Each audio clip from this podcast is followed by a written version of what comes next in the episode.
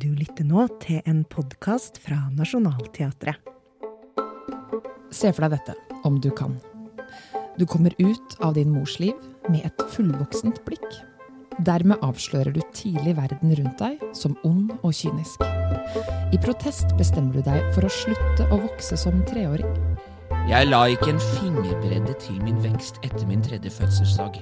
Jeg forble den treårige, men også den tre ganger så kloke dvergen som alle voksne raget over, men som skulle bli alle voksne så overlegen. Slik er fortellingen om Oscar i forestillingen Blikktrommen, hvor vi ser verden og menneskene bli avkledd gjennom Oscars øyne. Det er ubehagelig og komisk. Men er han en pålitelig forteller? Velkommen tilbake til teaterprogrammet. Podkasten der vi snakker oss litt nærmere inn på forestillinger her på Nationaltheatret, sånn at du blir bedre kjent med dem. I dag skal det handle om en prisbelønnet stor og viktig forestilling som i høst spiller på den litt mindre amfiscenen vår. En forestilling som handler om et stort menneske inni kroppen til et lite barn. Vi snakker om Blikktrommen av Gynter Grass, i regi av Kjersti Horn. Og sammen med meg her sitter forestillingens dramaturg Mari Vatne Kjelstadli. Hei, Mari. Hei. Er du enig i at Blikktrommen spiller på disse kontrastene? Stor, liten? Ja, det vil jeg absolutt si at det gjør. Både forestillingen og, og boka, egentlig. Eh, verket er massivt. Det er en trilogi på over 600 sider. Som vi har snevret inn til en liten teaterforestilling. En monolog som varer ja, den er jo ikke så liten, den varer i nesten tre timer. Eh, Blikktrommen er jo en klassiker i Tyskland, en del av den litterære kanonen. Og Gunther Grass har til og med vunnet Nobelprisen. Eh, vi har med oss regissør eh, Kjersti Horn, som er godt kjent for å jobbe i store formater, på store scener. Gjør selvfølgelig også ting på, på, mindre, men her har hun rett og slett tatt et sånt mastodontverk til teaterets minste scene. da, i utgangspunktet, for Vi hadde premiere på Malersalen, mm. og med bare én skuespiller. En skuespiller, et lite rom, stort format. Og mye å ta tak i. og Vi skal komme til mange av disse tingene. Men først kan vi ikke bare snakke om hva Blikktrommen handler om. Man kan si at det på et eller annet vis er en stor og en liten handling i blikktrommen. Uh, den lille, den man følger, altså handlingsgangen, uh, følger hverdagen til Oskar og menneskene i byen Danzig i Polen.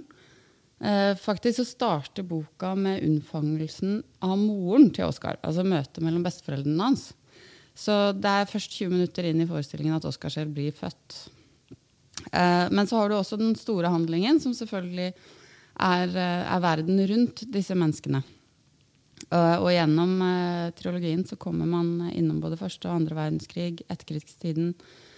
Og man får på et eller annet et blikk på et storpolitisk spill ut fra hverdagslivet til menneskene. Så bombene faller rundt hverdagen på et eller annet vis. La oss høre hvordan Oskar selv forteller om sine første år. Her er et manusutdrag, og vi hører skuespiller Olav Våstad. Det finnes over et dusin snapshots av den liggende, sittende, krypende, stående, gående, løpende, ettårige, toårige, to og et halvtårige Oskar. Oscar. Fotografiene er mer eller mindre gode, men ingen av dem er annet enn utkast til det portrettet i helfigur som ble tatt i anledning min treårsdag. Der har jeg den! Trommen. Der henger den foran maven min, ny og med røde og hvite takker. Selvbevisst og med et alvorlig besluttsomt ansikt holder jeg trommestikken av tre kryss over blikktrommen. Mine blå øyne avspeiler viljen til en makt som ville dø hvis jeg ikke fikk noen å befale over. Det lyktes meg å erobre en posisjon som jeg senere ikke fant noen grunn til å oppgi. Da sa jeg, da bestemte jeg, da besluttet jeg at under ingen omstendigheter ville bli politiker og slett ikke kolonialhandler, men tvert imot sette punktum. Bli som jeg var, og det gjorde jeg, forble den jeg var, beholdt denne størrelsen i mange år og for å slippe å klirre med en pengekasse holdt jeg meg til trommen min og la ikke en fingerbredde til min vekst etter min tredje fødselsdag. For Oskar var det helt unødvendig å gå med større og større sko og strømpe for hvert år bare for å bevise at noe var i vekst. Det var Olav Våstad som Oskar i Blikktrommen. Dette verket kalles magisk realisme. Hva betyr det, Mari? Magisk realisme er jo en litterær sjanger som de fleste forbinder med latinamerikansk litteratur. Gabriel Garcia Marquez eh, er vel det fremste eksempelet. Jeg kjenner godt til han i Norge. Eh, og det som kjennetegner magisk realisme, da, det er jo at det skjer overnaturlige ting i en realistisk fortelling, om, og det behandles som om det er det mest naturlige i verden. Det er en del av det, den realistiske handlingsgangen, da, på noe vis. Og sånn er det jo på, på en måte også i Blikktrommen. Oskar eh, bare det at han selvfølgelig er eh, bevisst fra fødselen, eh, er jo noe i seg selv. Men, men også det at han f.eks. skjærer hull i glass bare ved hjelp av sin egen stemme presisjonsskjærer hull. Passende størrelse til en hånd inn i et utstillingsvindu. Den type ting. Eh, for ham er det det mest naturlige i verden. For oss andre er det jo litt magisk. Det er jo litt magisk. Han husker jo også sin egen fødsel. Han beskriver jo sin egen fødsel, gjør han ikke det? Jo, han gjør det. Mm. Uh, han en, har en lang passasje hvor han beskriver et insekt som surrer rundt i lampa i det øyeblikket han blir født. Så han er bevisst og reflekterende helt fra fødselen, nesten som en voksen. Men han vil slutte å vokse som treåring. Hvorfor vil han egentlig det? Altså jeg nevnte det jo litt innledningsvis, men Hvilke konkrete ting er det han eh, reagerer på? Nei, Han har ingen uh, tydelig uh, årsak. Han sier ikke hvorfor. Men det er klart at uh, han ser jo verden rundt seg. Ser foreldrene, hvordan de lever. Ser at det er mye hykleri, mye falskhet. Og bestemmer seg for at han ikke vil bli som de voksne. Han er bedre. Han er overlegen. Så, så, han vil rett og slett skille seg ut. Mange forbinder Blikktrommen som et stort oppgjør med nazismen, med ondskapen i mennesket, og at det er da lille, tøffe Oskar som våger da, å gjøre motstand mot nazistene. Eh, men stemmer det dette bildet jeg beskriver nå? Er dette Blikktrommen? På en måte er det det, for han løser opp store forsamlinger av nazister. For soldatene som egentlig skulle spille marsj til å spille vals, sånn at hele, alle som står og hører på, begynner å danse vals istedenfor å høre på talene. Men han presiserer tydelig selv at han ikke bare gjør dette mot nazistene, han gjør det også mot vegetarianerne og amerikanerne og en hel haug ulike forsamlinger av mennesker. Så han er ikke ideologisk drevet og presiserer veldig tydelig at han ikke vil kalles en motstandsmann. Han mener det. Han vil ødelegge. Han er en drittunge, på en måte? ja, han liker destruksjon. Mm. Hvorfor vil han det, da? Altså, Hvorfor vil han bare ødelegge? Nei, det sier han jo heller ikke. Eh, men det er klart at han er jo en som står utenfor. Eh, så i det øyeblikket andre samles, og han ikke hører hjemme, så er det jo fristende da, å ødelegge de store forsamlingene. Det er ikke så drittungete. Og det er jo lett å sympatisere med, det å stå utafor. La oss høre det utdraget fra manus, der Oskar har møtt opp på et stort utendørs nazistmøte med en stor scene, stort korps og talerstol, og der han snur alt på hodet. Har De noen gang sett en scene fra baksiden? Jeg er av den oppfatning at alle mennesker burde gjøre seg fortrolig med scenens bakside før de samler seg foran den. Den som en gang har sett, virkelig sett en scene bakfra, er fra det øyeblikk immun mot alle de trolldomskunster som i en eller annen form blir drevet med på scenen.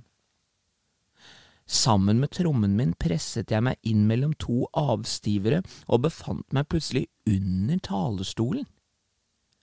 Til høyre og venstre over meg sto små og større trommeslagere fra jungfolk og Hitlerjugend. Lederen for musikkorpset fektet med tamburstaven, de satte instrumentene til munnen, og i neste øyeblikk blandet dunk på trommenes kalvud seg med trompetstøtene. Nå, mitt folk, Vær beredt, mitt folk. Jeg hadde gjort trommen min klar. Med myke håndledd slo jeg en elegant og munter valsetakt, trommet mer og mer gjennomtrengende, helt til trommene over meg ble smittet av valsen og falt inn i takten. Å, folket takket meg, det ble ledd høyt, noen begynte å synge med, å Donau å Donau, og reitatarattarei, og det kriblet i føttene deres. Det var allerede ni par, og enda et par som danset, sveiset sammen av valsekongen. For et trøkk. Og jeg kan så se det for meg, Oskar med tromma si, som han bruker da til å kommunisere gjennom eller protestere gjennom. Denne tromma som han fikk til treårsdagen sin da han bestemte seg for å slutte å vokse. Mari, hvilken betydning har tromma for Oskars liv? Nei, altså Siden Oskar ble født ferdig, da, på noe vis, så har han ikke det samme behovet for å lære som andre barn. Det er klart Han må også lære seg å lese og sånn. Det går veldig kjapt. Uh, og han velger uh, å slå på tromma i stedet for å snakke. Så han bruker det som en kommunikasjonsmiddel. Han vil på, på et eller annet vis ikke nedverdige seg til prating og ord, sånn som de voksne. Han presiserer også veldig tydelig at han ikke leker. Han arbeider på tromma si. Men i forestillingen her på Nationaltheatret så får vi faktisk ikke se denne tromma på scenen. Hvorfor det? Nei, det må du jo nesten spørre Kjersti om, da. Men, eh, men det er vel eh, fordi at ideen om tromma er større enn objektet på et eller annet vis. Eh, og plasserer man en tromme på scenen, så reduseres funksjonen litt. Men vi prater mye om den. Blikktrommen er som nevnt opprinnelig en bok av Gunther Grass fra 59 og en del av en stor triologi, såkalt Danzig-triologien. Romanen ble til film i 79, og som også vant en Oscar-pris. Um, hva kan de som har sett filmen ja, eller lest boka, hva kan de vente seg av teaterversjonen? Sammenlignet med filmen så kommer vi mye nærmere og på innsiden av Oscar i forestillingen. Det, det ligger sånn sett mye nærmere boka. Vi får Oscars subjektive framstilling av det som skjer, og av menneskene rundt ham, og bare den. Eh, og Derfor så får vi også selv danne oss bilder av eh, hvem folk er, og hva de andre gjør, hvorfor de handler som de gjør. I filmen så blir jo karakterene rundt ham portrettert. Så de får på en måte en annen egen stemme enn det, det de gjør på scenen. da, Hvor de bare blir omtalt av hans, uh, hans, blikk. Det gjør jo at vi har en egen tolkning av karakterene. Vi prøver ikke å kopiere noe fra filmen i denne forestillingen. Mm.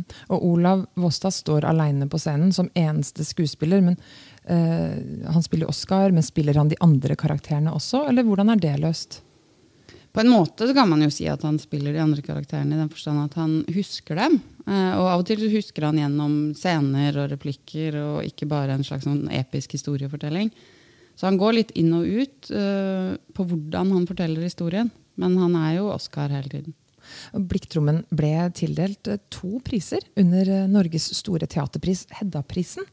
Scenograf Sven Haraldsson vant for beste scenografi kostymedesign og Olav Våstad for beste skuespiller hovedrolle. Det er jo en bragd. Um, hva, hva, er det som Sven Haraldsson, scenograf, har gjort med scenerommet som, som blei så riktig, tror du? Han har bygget en hule til Oscar. En hule? eh, og det trenger Oscar, tror jeg. Eh, den hula det er en fullt utstyrt leilighet. Det er flere rom, det er toalett, det er vask, det er eh, til og med et par kanarifugler inni der. Og på den måten så er det veldig mange ting i det rommet som er med Olav å fortelle denne historien. Som han eh, kan bruke underveis, selvfølgelig, men også som bare snakker sånn, eh, på egen hånd. Eh, og, og, det her med at Oskar har fått en hule, da, eller en liten boble å bo i, det, det passer jo veldig godt. Det er til og med en, eh, en plasthinne mellom han og publikum.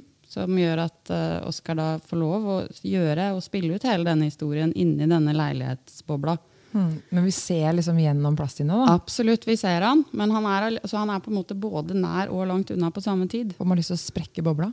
Eller er det litt deilig egentlig at man har en eh, distanse? Jeg tror egentlig det er greit, for det skjer såpass mye inni der som det er fint at ikke på en måte når øh, ja, hva skal man si, søler ut i publikum. Mm. Og så har vi Olav Aastad, da. Uh, jeg, altså jeg, tror kanskje jeg skal bare lese Hedda-juryens begrunnelse for den prisen han vant. Og så sier den også på slutten noe fint om samspillet mellom skuespiller og scenografi. Jeg leser. Prismottakeren er en skuespiller som setter klørne i publikum med absolutt tilstedeværelse. Han mestrer det emosjonelle registeret på sitt karakteristiske slaskete, elegante og uforfengelige vis. Rollefigurens djevelske uskyldighet, ordspyttende, manipulativ og kløende kåt, er kroppslig som mentalt en triumf, like kvalmende som den er fascinerende. Den eneste fysiske medspilleren er en rik scenedekorasjon, som gir rom for overdrivelse og improvisasjon uten å miste fortellingens kjerne av syne. Og i kjernen ligger personifiseringen av et skrik mot ondskapens så høyt at det knuser glass levendegjort gjennom en maratonøkt og en skuespillerbragd som knapt er mulig å riste av seg. Wow! Kunne ikke vært mer enig. Det juryen har sett der, er selvfølgelig resultatet, men det har også vært et maratonløp av en skuespillerprestasjon i hele prøvetida. Fra første prøvedag. Det er et stort, stort arbeid Olav gjør. Kan du fortelle litt uh, mer om hvordan um, Kjersti Horn, regissør, og Olav har jobbet sammen også? Nei, altså Her har vi å gjøre med to av norsk teaters store talenter, både innenfor det ekspressive og det maksimalistiske, men også det emosjonelle. Eh, Olav har et sånt stort talent i komikk eh, og i alvor, og det samme har Kjersti. Så de, det er et vell av påfunn og ideer og tanker og muligheter i begge to. Så når man har dem i samme rom, så er det jo et lite fyrverkeri av en prøveprosess. Sikkert gøy å, å opp, oppleve som Veldig dramaturg. fint. Og din rolle da, som eh, dramaturg den er vel klar å meisle ut av en 600 siders boktrilogi et overkommelig teatermanus? Ja, sant. I hvert fall når det er én person som skal lære seg dette manuset. Jeg tror vi fant ut at vi endte opp cirka på samme lengde som hele Hamlet.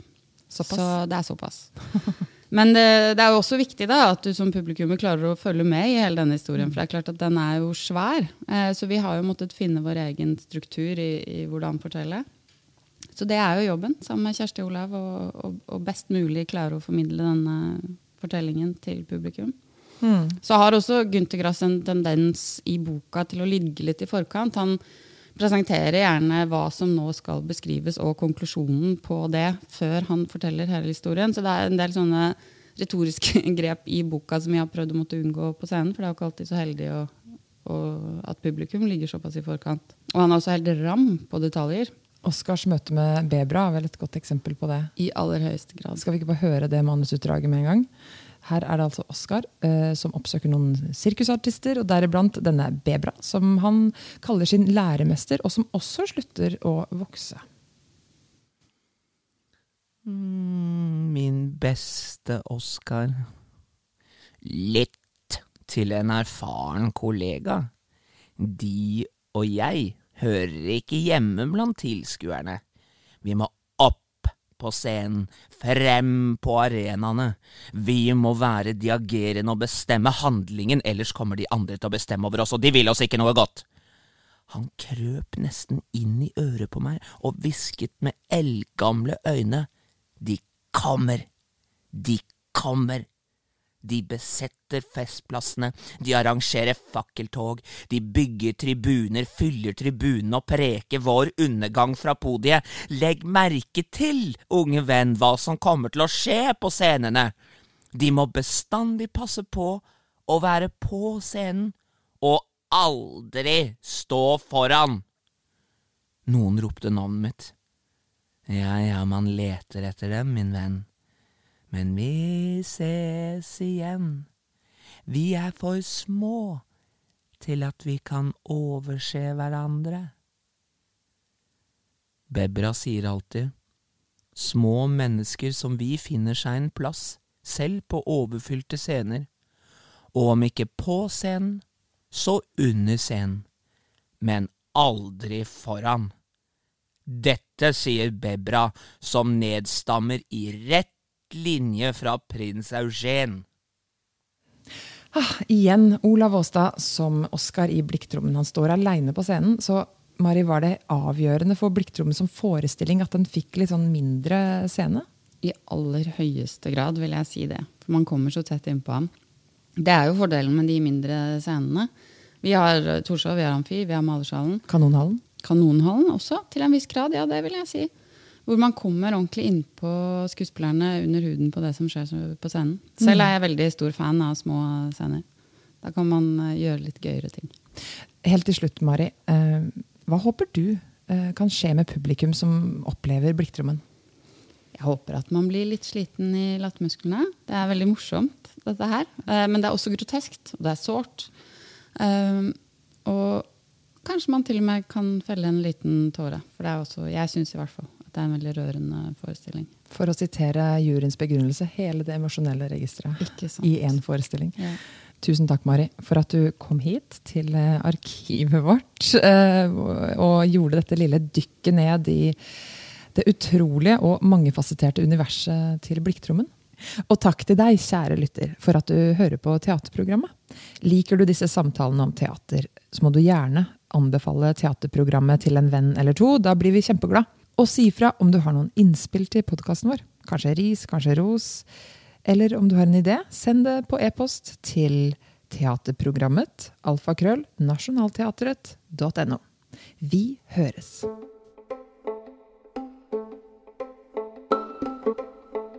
Takk for at du hørte på Nationaltheatrets podkast Teaterprogrammet. Denne episoden var laga av Gunhild Aarebrot Kilde og meg, produsent Åsta Hoem Hagen. Mer informasjon om forestillinger og arrangementer finner du på nasjonalteatret.no. Og følg oss gjerne også på sosiale medier for mer innhold produsert på, bak og rundt scenen. Håper vi ses snart i teatret.